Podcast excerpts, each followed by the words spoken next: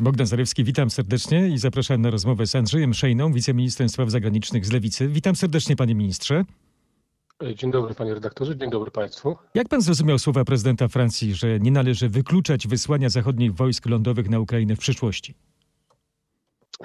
Zrozumiałem je dosłownie i chyba wszyscy liderzy państw Unii Europejskiej zrozumieli je dosłownie, że pan prezydent Macron uważa, iż musimy brać pod uwagę e, bezpośrednią interwencję e, poszczególnych państw czy NATO w Ukrainie. Natomiast e, faktem jest, że ta wypowiedź została uznana przez większość, w tym przez pana premiera Donalda Tuska, za wypowiedź na wyrost. To znaczy nikt dziś nie bierze pod uwagę wysyłania wojsk, czy to polskich, jeżeli mówimy oczywiście w imieniu Rzeczypospolitej Polskiej, do, do tego, aby dołączyły do bezpośredniego konfliktu, starcia z wojskami rosyjskimi. Ale to chyba nie był lapsus, oczywiste. prawda? Co tą wypowiedzią chciał osiągnąć Emmanuel Macron, pana zdaniem?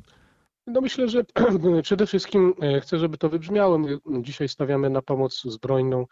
Przede wszystkim musimy dostarczyć Ukrainie nasze i wywiązać się z naszych zobowiązań w całej Unii Europejskiej, chociażby ten milion pocisków 155 y, mm, a jak strona ukraińska podnosi i alarmuje, tylko zostało wypełnionych około 30% tego zobowiązania. Przepraszam. Cóż chciał osiągnąć prezydent Macron? No, to jest zmiana, można powiedzieć, bardzo radykalna jego, jego polityki e, w stosunku do Rosji i, i wojny w Ukrainie. Przypominam, że jeszcze na początku wojny nawet miał tego typu e, dzisiaj możemy powiedzieć, nie tyle wpadki, ale takie... No prorosyjskie wypowiedzi. Jak to, mhm. Tak, dzwonił do pana, pana, pana Putina, rozmawiał z nim, e, wydawało mu się, że może go przekonywać jeszcze, ale chyba doszedł do wniosku, że rozmowy z terrorystą są bez sensu. E, I dzisiaj tak naprawdę chciał i wyrósł w jakimś sensie na Y, powiedziałbym, taką awangardę wsparcia dla Ukrainy. Y, no przynajmniej ja w słowach. Wierzę w to, że to się mhm. skończy jeszcze większym wsparciem Francji dla Ukrainy i, i większym, spójniejszym polityką bezpieczeństwa. Pamiętamy takie sceny, kiedy prezydent Emmanuel Macron rozmawiał z prezydentem Putinem przy takim długim stole. Y, dlaczego tak długo trwało, zanim zmienił zdanie? Pan, myślę sobie tak, że dla niektórych pewne doświadczenia, które my Polacy mamy przecież z okresu yy, również PRL-u i obecności wojsk radzieckich. Yy, dla nas pewne wnioski są oczywiste i zagrożenie ze strony Rosji przez wieki było nie tylko realne, ale niestety zmaterializowane. Przecież to jest taka prawda. Rosja jako główny czynnik sprawczy rozbiorów Polski i można by wymieniać Bitwa Warszawska.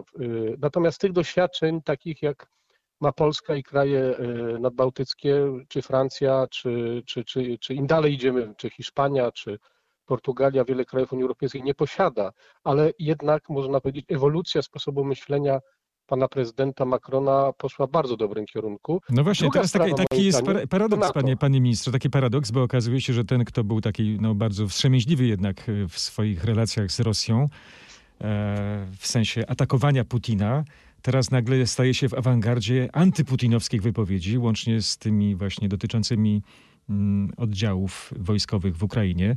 Nawet we Francji odcinano się od tej wypowiedzi albo ją interpretowano, doprecyzowano. Co się stało tak naprawdę? Bo ciężko zrozumieć ten fenomen. Myślę, że nie. Myślę, że to, jest, to nie jest ciężko zrozumieć, jeżeli weźmiemy pod uwagę, że sytuacja i świat, w którym żyjemy, dynamicznie się zmienia i sytuacja dotycząca e, nowego ładu międzynarodowego, ładu bezpieczeństwa, nie tylko mówimy to o kwestiach zbroj, zbrojnych i zbrojenia, ale również o bezpieczeństwa energetycznego się, y, y, jest nie tylko dynamiczna, ale czasami nieprzewidywalna. I to, w jakich warunkach udzielał swoich wypowiedzi, jak zachowywał się pan prezydent Macron, jaką prowadził politykę zagraniczną jako głowa państwa dwa lata temu, rok temu, musiało ulec korekcie w dzisiejszym, w dzisiejszej rzeczywistości. A dzisiejsza rzeczywistość, którą możemy opisać y, w żołnierskich słowach, że tak to określę, to jest dosyć trudna sytuacja Ukrainy, która oczekuje e, mocnego wsparcia finansowego, przede wszystkim mówimy o zbrojne, zbrojnego, ale też e, kwestie finansowe dotyczące funkcjonowania państwa. Mamy spróbujmy się, spróbujmy się jeszcze, panie ministrze, wczuć jakby w rolę prezydenta Francji, bo on może teraz tak. powiedzieć w ten sposób. Jak tu można oceniać system bezpieczeństwa w Unii Europejskiej, skoro ja, przywódca kraju, ważnego kraju w Unii Europejskiej, jednego z motorów unijnych, rzucam takie mocne antyrosyjskie hasła, a inne kraje natychmiast podkulają ogony?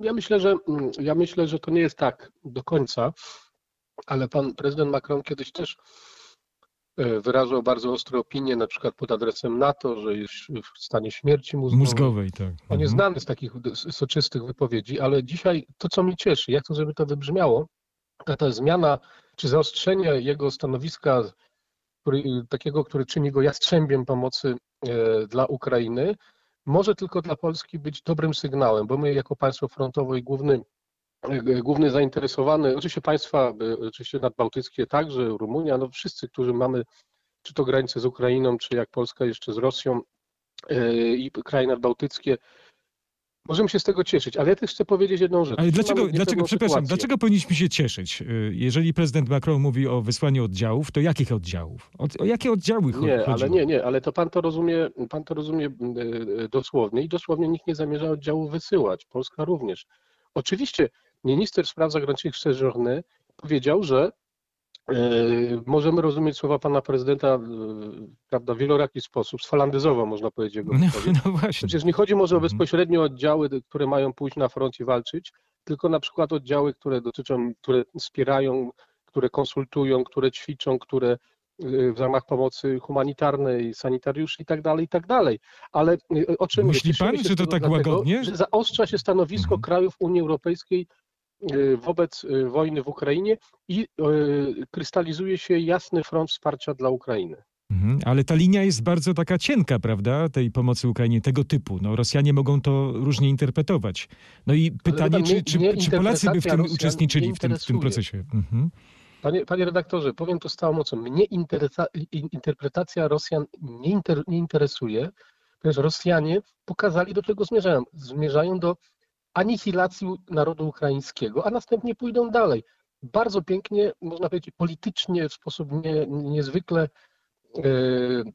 e, świadczący o jego umiejętnościach dyplomatycznych i, i, i, można powiedzieć przeglądzie boiska, jak to się określa w, w sportowym żargonie, pan minister Radosław Sikorski odparł i można powiedzieć obnażył kłamliwość, e, odparł zarzuty i obnażył kłamliwość e, wystąpienia ambasadora Rosji na forum Rady Bezpieczeństwa mhm. ONZ, który w każdym słowie swojego wystąpienia kłamał. Kłamał nazywając Ukrainę krajem faszystowskim, skorumpowanym.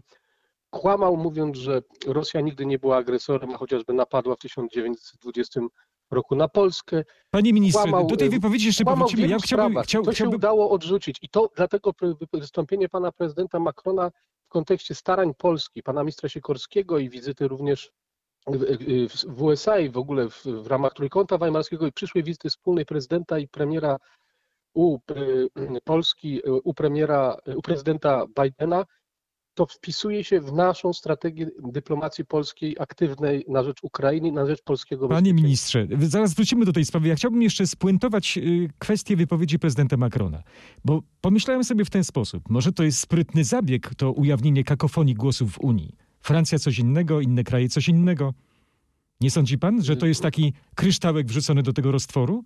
Czy nie będzie tak, może ja doprecyzuję, czy nie będzie tak, że wkrótce tak. usłyszymy, że, że kolejny raz zresztą, bo takie są tendencje, że konieczna jest, konieczna jest wspólna unijna dyplomacja, że trzeba odejść od narodowych partykularyzmów, bo oto efekt, prawda, każdy kraj mówi coś innego, należy to wszystko zastrzelić w jedno ognisko. Nie obawia się pan, że, że takie centralizacyjne tendencje w Unii Europejskiej, o, o, którym, o których się mówi, coraz głośniej. Y, sprowadzą pana resort, polski resort, jak inne resorty y, y, państwowe, narodowe, do rangi no, takiego trochę kwiatka do kożucha. No nie, panie redaktorze, przecież mamy wspólną unijną dyplomację, mamy ambasadorów unijnych, mamy Europejską Służbę Działań Zewnętrznych. Wśród nich również są polscy Polacy jako ambasadorowie, na tak nazwijmy w tym żargonie, ambasadorowie Unii Europejskiej, więc tutaj to już się dzieje i to się stało. Mamy no tak, ale jest jednak... jednak... polityki zagranicznej Józefa Borela, więc to... No tak, jakby... ale to, jest, to nie jest dosłownie y, szef dyplomacji unijnej. Ja mówię o tych tendencjach, które są... Nie, to jest, to jest dosłownie szef dyplomacji unijnej, który no. przedstawia stanowiska uzgodnione przez wszystkie kraje. No właśnie, właśnie Natomiast... o to chodzi. No, chodzi mi o to, że, że jeżeli odebrana będzie, będzie kompetencja y, dyplomatyczna y, z państw narodowych, prawda, i, i przekazana do wspólnego celu, czy to nie... Mhm. Nie idźmy tą drogą, tak zażartuję. Dlaczego? Dlatego, że wydaje mi się, że wypowiedź pana prezydenta Macrona nie dotyczyła dyplomacji. wypowiedź pana prezydenta Macrona dotyczyła y, wspólnej polityki zbrojnej. no ale rykoszetem też uderza w dyplomację, prawda? Bo ja mówię o tym, tej kakofonii głosów po prostu. Nikt tego, nikt, tego, nikt tego tak nie odebrał i ja osobiście absolutnie nawet nie pomyślałem przez sekundę y, w taki sposób. Ja odebrałem to jako zdecydowane poparcie Francji dla y, wspólnych wysiłków, w tym chyba w Unii Europejskiej na rzecz y, wsparcia Ukrainy, jej zwycięstwa w wojnie z Rosją na jej warunkach, mówię oczywiście o warunkach Ukrainy, zawarcia pokoju. Odebrałem to jako y, deklarację do tworzenia czegoś na kształt, czego jeszcze nie mamy, wspólnej polityki obronnej albo europejskiej polityki obronnej, która chociażby powinna oznaczać wspólne zakupy, wspólne współpracę przemysłów zbrojeniowych, wspólne budowanie odporności, bowiem to również powiedział y, tydzień temu kanclerz Niemiec Olaf Scholz, że musimy budować taki system i tak współpracować w Unii Europejskiej, żeby, żeby zbudować pewną odporność i bezpieczeństwo, niezależnie od tego, kto zostanie prezydentem Stanów Zjednoczonych, Oczywiście wiedząc, że Stany Zjednoczone są liderem wolnego świata. A jak pan, jak pan ocenia patrząc, sytuację co się dzieje dzisiaj w Stanach Zjednoczonych, no, mhm. musimy myśleć, a nie i działać, a nie tylko myśleć. A jak pan ocenia sytuację zagraniczną naszego kraju? Co jest takim największym zagrożeniem teraz? Jakby pan to zdefiniował? A co najważniejszą szansą dla Polski w obecnym układzie międzynarodowym? No w obecnym układzie międzynarodowym e, musimy budować naszą pozycję, odbudowywać naszą pozycję oczywiście i w Unii Europejskiej, przede wszystkim i oczywiście utrzymywać znakomite i najlepsze chyba w historii jak dotąd stosunki ze Stanami Zjednoczonymi e, pod rządami administracji Joe Bidena. Udało nam się w ciągu krótkiego okresu, przecież ten, ten, rząd, ten rząd trwa trzy miesiące, e, mocno właśnie stawiając akcenty pan premier Donald Tusk, pan minister Sikorski na dyplomację, która dotyczy zarówno naszych środków z Unii Europejskiej, jak i bezpieczeństwa, jak i wojny w Ukrainie, to jest wieloaspektowa, e, wiele, wiele mogę na ten temat powiedzieć, ale wiem, że nie mamy czasu. I najważniejszym się oczywiście wyzwaniem jest e, bezpieczeństwo i wsparcie dla Ukrainy, bo tu, tu trzeba postawić znak równości. Bezpieczeństwo Polski, ład międzynarodowy to znak równości zwycięska Ukraina i pokój. I drugą sprawą jest oczywiście e, dalszy, dalsza jakby mm, rozwój NATO w kierunku siły, która y, już z samego, samej definicji będzie odstraszała terrorystyczne państwa agresorskie jak Rosja, żeby nie przyszło do głowy nigdy, w, nigdy w, w niedalekiej oczywiście przyszłości Rosji zaatakować jakiekolwiek państwo NATO. Bo no właśnie, to są, to są takie cele. To, są takie, to takie... takiemu człowiekowi jak Putin to przyjdzie do głowy. To są takie nasze cele, nasze marzenia, ale sytuacja międzynarodowa jest bardzo skomplikowana, jednak no, daleko różna od tego obrazu, który pan tutaj sformułował, bo mamy coraz większe konflikty w łonie Unii Europejskiej. E, mamy bardzo napięte sytu napiętą sytuację z Ukrainą. No, strajki rolników są tego widomym dowodem. E, w relacjach ze Stanami Zjednoczonymi też jesteśmy pełni, obaw co do kursu Stanów Zjednoczonych. Mamy tam no, taki pad e, republikanów i demokratów. No widzi pan, że, że sytuacja jest bardzo skomplikowana i daleka od tego obrazu e, takiego no, trochę idylicznego, który pan kreśli. Nie, ja kreślę obraz docelowy, tak? Więc będąc. No tylko, że do tego celu jest trochę daleko. Ale wie pan, panie redaktorze, konflikty, spory, dyskusje w Unii Europejskiej były, są i będą. E, interesy państw poszczególnych Unii Europejskiej niejednokrotnie nie są w 100%, a nawet nieraz są rozbieżne, ponieważ gospodarki są w niektórych kwestiach spójne, spójne, a w niektórych są konkurencyjne. Jednakże całość projektu europejskiego, jak projektu, który nazywa się NATO, który służy naszemu wspólnemu bezpieczeństwu, jest, można powiedzieć, wartością dodaną dla każdego z krajów i daje nam poczucie czy to bezpieczeństwa gospodarczego, czy to bezpieczeństwa w sensie energetycznego czy bezpieczeństwa w sensie y, zbrojnym. Więc ja oczywiście zgadzam się z Panem, że jakby to powiedzieć, nie żyjemy w łatwych czasach, ale można by powiedzieć, że żyjemy i tak jeszcze w łatwiejszych czasach niż to było w czasach II wojny światowej, bo mamy pewien system instytucjonalny, który zbudowaliśmy po II wojnie światowej, który stoi na straży pokoju. No, Niech pan wtedy też uwagę, była Liga Narodów, Rosja pan, nie radzi sobie dzisiaj, z Ukrainą. Także... Rosja nie radzi sobie z Ukrainą. Oczywiście sytuacja w Ukrainie Y, jest trudna. Y, ja patrząc na, czytając przekazy, jestem również pełen obaw, ale te obawy mogą zniknąć, jeżeli będziemy działać wspólnie, będziemy działać jak jedna pięść, mówię tutaj o krajach Unii Europejskiej, NATO. Wie pan, wydaje mi się, że to, co proponuje polska dyplomacja, czyli wzmocniona Unia Europejska, wzmocnione NATO, reanimacja, tak bym powiedział, czy racja, jak ktoś woli, trójkąta weimarskiego, czego byliśmy świadkami po wizycie premiera w Paryżu i w Berlinie oraz. No chociaż premier, premier, Tusk, premier Tusk się głęboko zastanawiał. To są nad, dobre sygnały. Panie, panie ministrze, no premier Tusk się mocno zastanawiał nad w ogóle no, istnieniem y, Grupy Wyszehradzkiej przed. Y, Ale ja mówię o trójkącie weimarskim przed chwilą. A, przepraszam, przepraszam, przepraszam. A trójkąt jeśli... weimarski jest oczywiście ogromnym sukcesem i ogromną szansą dla Polski, żeby grać z tymi dwoma, i używam celowo tego słowa, grać z tymi dwoma wielkimi partnerami o Unię, jaką sobie wymarzyliśmy, i o system bezpieczeństwa instytucjonalny Unii Europejskiej, jaki sobie polska dyplomacja e, wymarzyła, chociaż jak pan powiedział, do, do osiągnięcia tych marzeń jest daleko. Natomiast kiedy pan wspomniał Grupę Wyszehradzką, tak, tu jest e, problem, ponieważ mamy tutaj grupę, jak ktoś określił, trochę 2 plus 2, to znaczy Polska Właśnie. i, I Czechy, Czechy jako kontra Słowacja i Węgry. Na Jastrzębie tak. i współpracy unijnej, i współpracy w ramach Grupy Wyszehradzkiej, i wsparcia dla Ukrainy, no i Węgry oraz Słowacja które no niestety wczoraj e, zadeklarowały, że żadnej pomocy zbrojnej mhm. Ukrainie nie udzielą. Wydaje mi się, że to jest działanie krótkowzroczne, powiem to z całą stanowczością, e, działanie e, tu i teraz, być może gdzieś w jakiś sposób na, na użytek wewnętrzny w tych krajach, ale ja zawsze, jeżeli rozmawiam z politykami, czy dyplomatami, czy to słowackimi, czy to węgierskimi, zawsze mówię, im silniejsze jest NATO, im silniejsza jest Unia Europejska, tym wasze kraje są silniejsze. Musicie to zrozumieć. Panie ministrze, pan mówił o tej właśnie reanimacji, aktywacji y, Trójkąta Weimarskiego. No rzeczywiście y, widać takie kontakty między Warszawą, Berlinem i Paryżem. A co z Waszyngtonem? E, ja jeszcze powrócę może do wizyty e, ministra spraw zagranicznych Radosława Sikorskiego w Waszyngtonie. Tam e, w Nowym Jorku, tam padły bardzo mocne, mocne słowa z, z jego strony, prawda? Mówił pan o tym wystąpieniu kontra ambasador rosyjski przy ONZ. Radosław Sikorski mówi też tak, że polityka epismentu, czyli takiego, takiej łagodności wobec Rosji może wydawać się łatwiejszą ścieżką, ale, ale minister się obawia, że może doprowadzić do rozłamu między USA i ich sojusznikami. Ja, ja tylko się zastanawiam, mówi pan o rozwoju osobowości i o zmieniających się czasach. Który z Radosławów Sikorskich jest prawdziwy? Czy ten, który robił y, takie no, ukłony wobec Rosji, czy ten, który teraz y, jest takim jastrzębiem? Radosław Sikorski nigdy nie robił żadnych ukłonów wobec Rosji. E, działa w ramach, e, można powiedzieć, w ramach przyjętych przez europejską e, dyplomację, gdy potężniejsi e, niż Polska zakładali chociażby Niemcy, że z Rosją należy rozmawiać. Panie ministrze, Radosław Sikorski Wszystko przyznał... Panie ministrze, ja tylko, ja tylko doprecyzuję. W 2014 roku. Pro, nie, nie, nie, nie. nie. To, to było znacznie wcześniej i Radosław Sikorski sam o tym mówił, że reset z Rosją rozpoczął wcześniej niż Obama.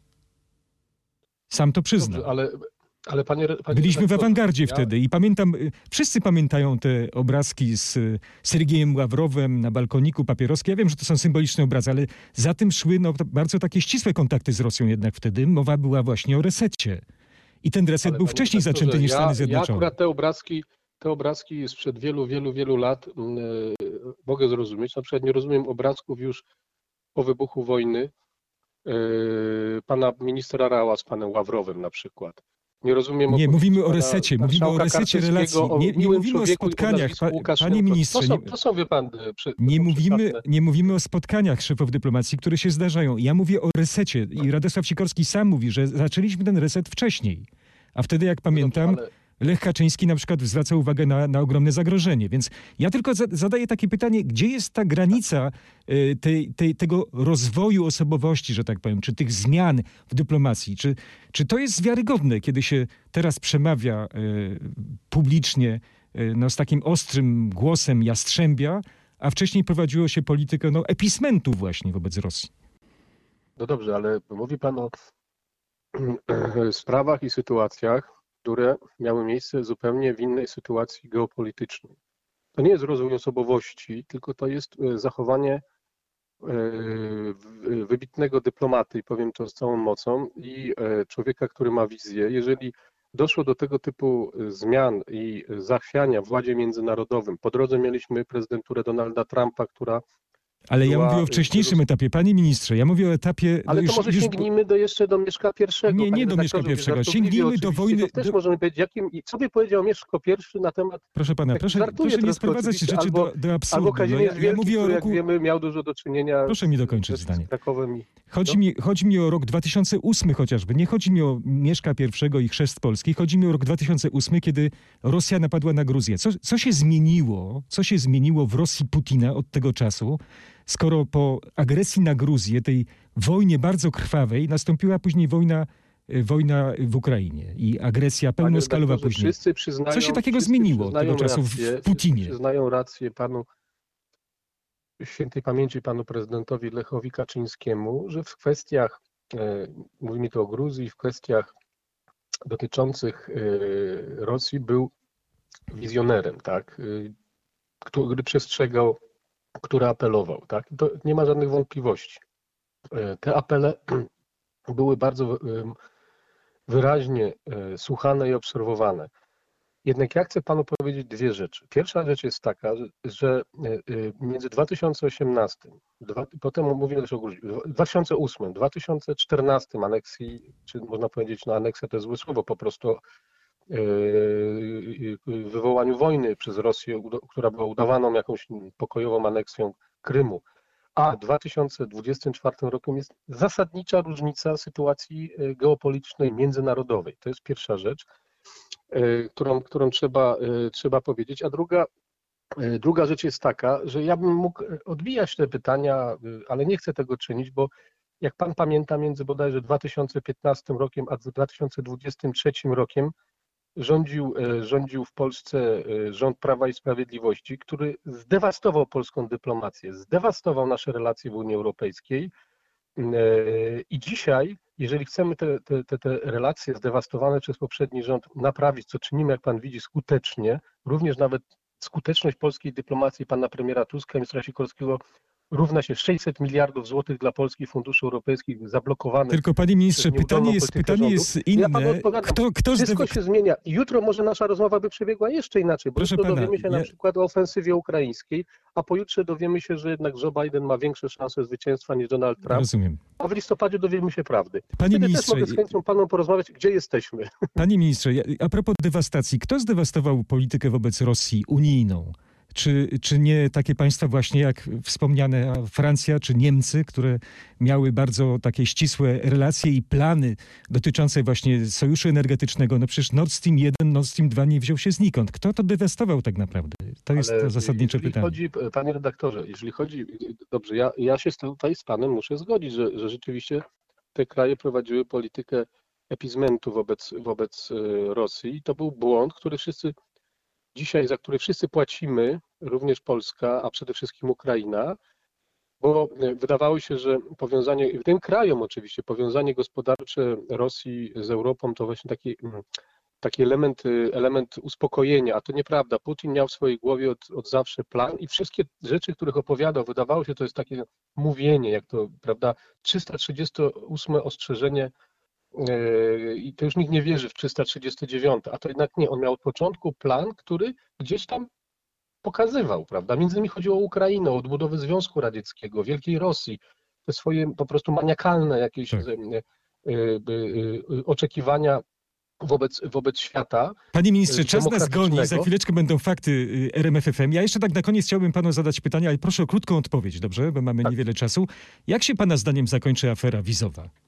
Czym się zakończy? No, czy to będzie kapiszon zmokły, czy, czy rzeczywiście będzie jakaś... Nie, to jest bardzo poważna afera, y, która, której mm, przez różne, nazwijmy to, y, dziury w, w, w systemie, y, który nadzorowali i ministrowie, i wojewodowie, i wielu urzędników PiSu, prześlizgnęło się w mojej ocenie z naruszeniem procedur y, kilkaset tysięcy osób i za to te osoby powinny odpowiedzieć karnie. A jaka była skala tej afery? Jak pan sądzi? Bo na razie No mamy... tak, jak no powiedziałem, z wiedzy, którą posiadam e, tylko i wyłącznie od pana przewodniczącego e, Michała Szczerby, e, nie kontaktuję się z prokuraturą, czy też od pani minister Henryki Mościskiej-Dendys, która nadzoruje kwestie konsularne.